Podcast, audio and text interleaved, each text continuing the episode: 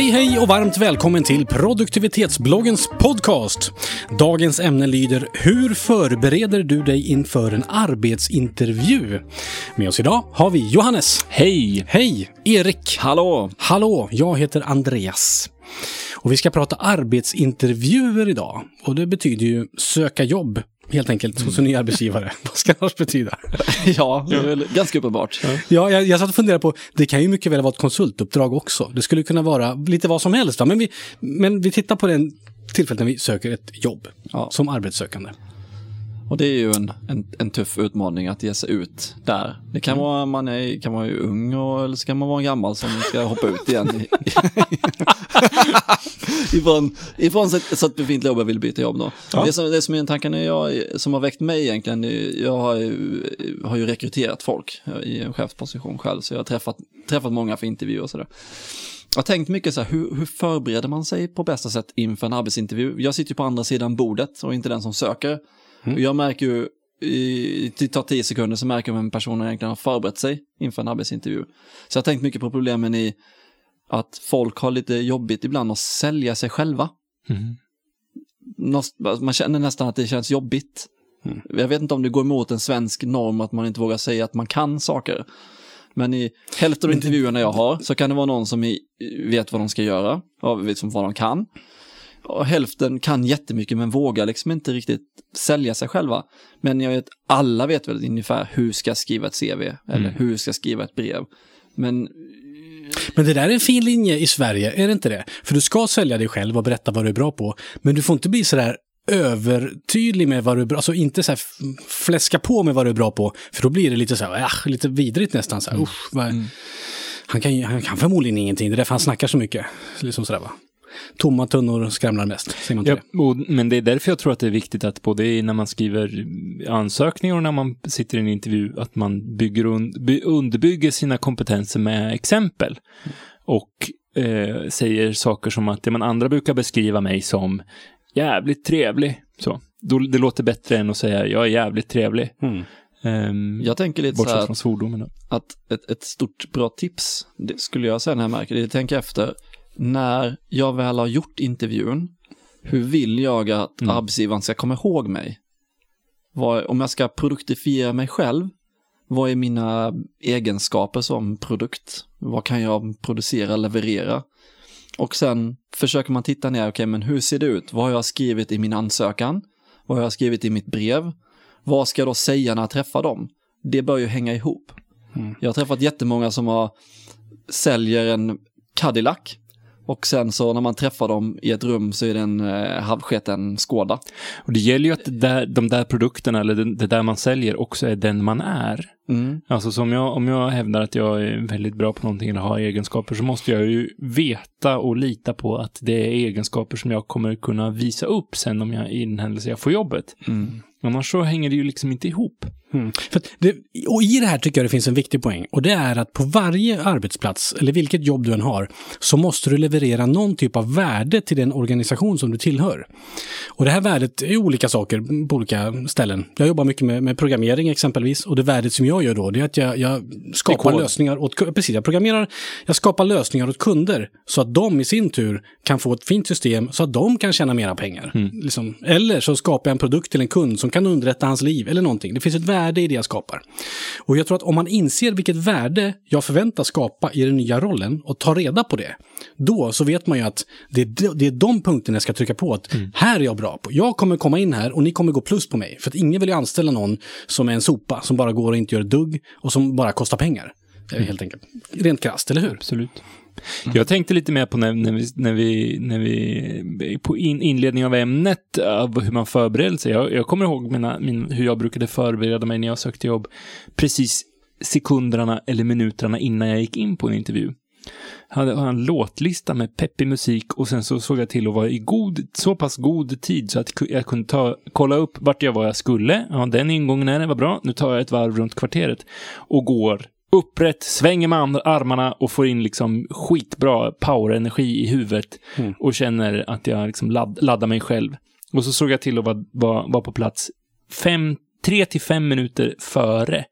Så att jag kunde eh, artigt fråga om jag kunde få låna toaletten.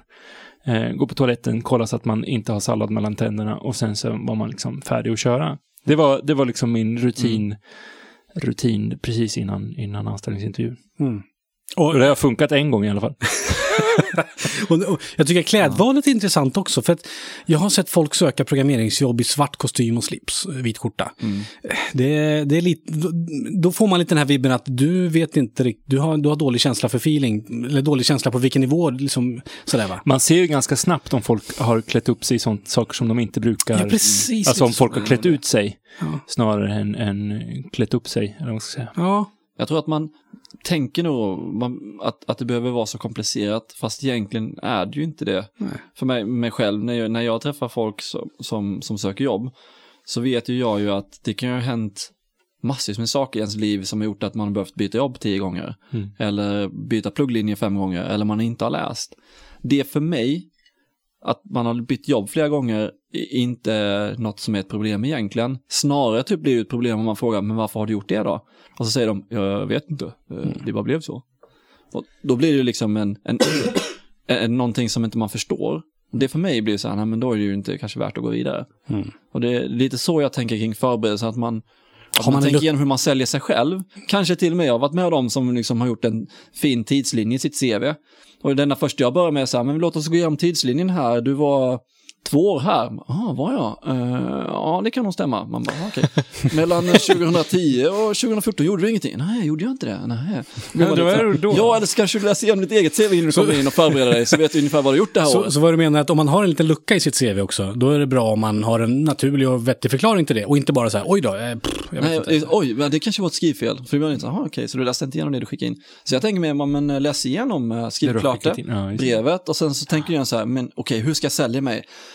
Jag ska sälja mig som, eh, ja men en skön snubbe som, eh, som gillar att hänga med i gänget.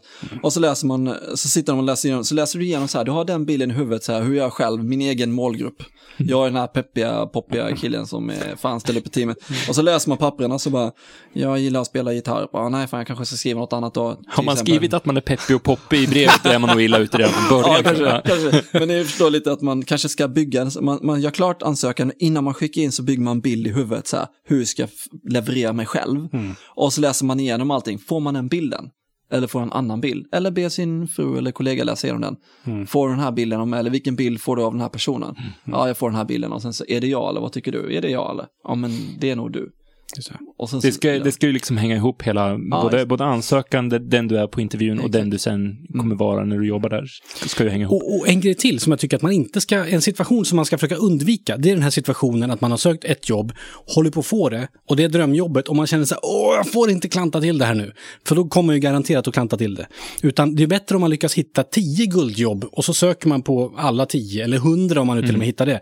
Så att du kanske har ett par sådana här intervjuer du ska gå på. Och då kan man tänka så här, ja, klantar jag mig här, gör inget, jag har en ny på tisdag. Så att då kan man slappna av lite mera på riktigt och inte bara ha den här anspänningen liksom som kan vara att "Uff, jag måste få den här annars så får inte ungarna mat på bordet. Så för, då skulle jag säga för alla arbetssökande, yes, gör så. För arbetsgivare så vill vi helst att man söker en i taget.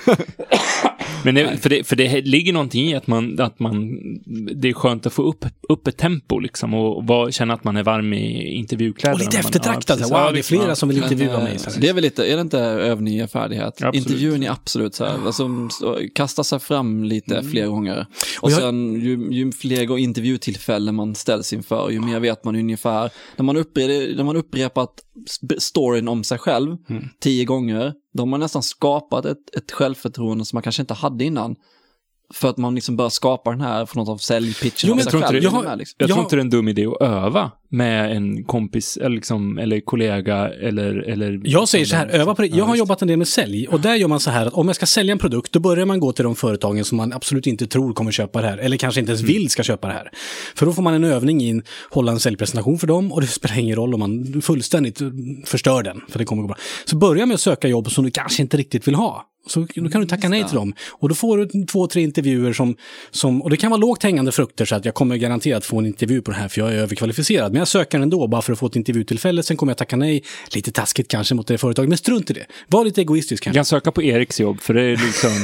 han gillar Ja, inte han gillar att ta intervjuer. emot. Måndagar eh, eftermiddag klockan 13 till. Då har jag meningslösa intervjuer. Nej, men då får man- Jag inte har. Nej, men då får man ju riktig träning. Liksom, och, eh, prova med, med kompisar i all ära, va? men jag tror att den här på riktiga riktigt, situationen liksom. när man ska vara där, som du säger, tre till fem minuter före och verkligen ha testat kläder och känner hur bekväm man är och, och svara på knepiga frågor och sådär. Jag tänker alltid, men som Johannes säger, jag har nästan alltid haft en mantra att jag försöker alltid tänka att jag är bäst, jag är expert. I huvudet är man det. För då tror jag att man liksom känner så när man går in där liksom. Man tänker så här, fan jag är den bästa personen som den här snubben kan eh, anställa.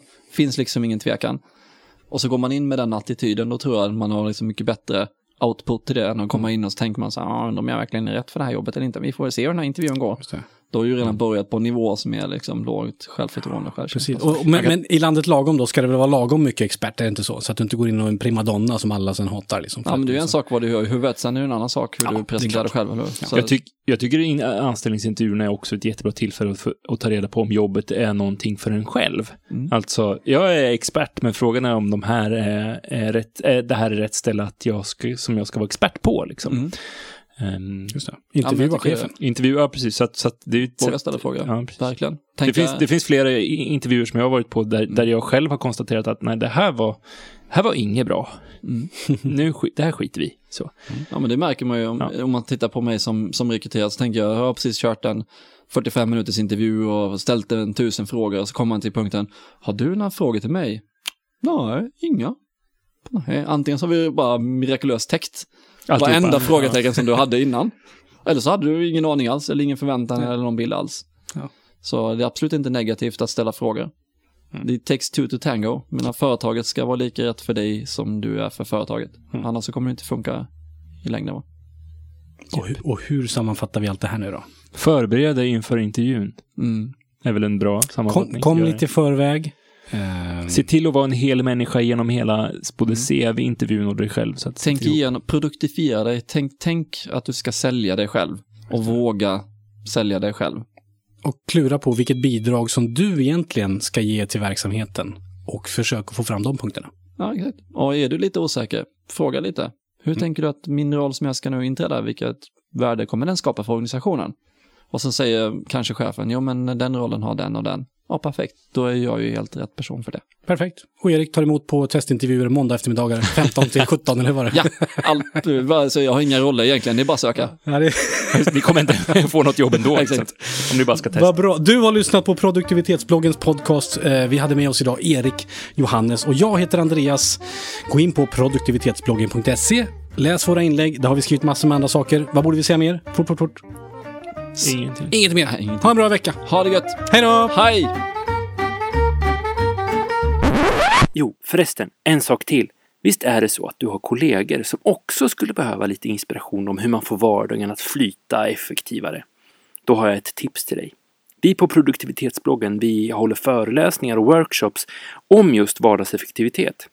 Om du vill veta mer om det här så kontakta oss på info produktivitetsbloggen.se.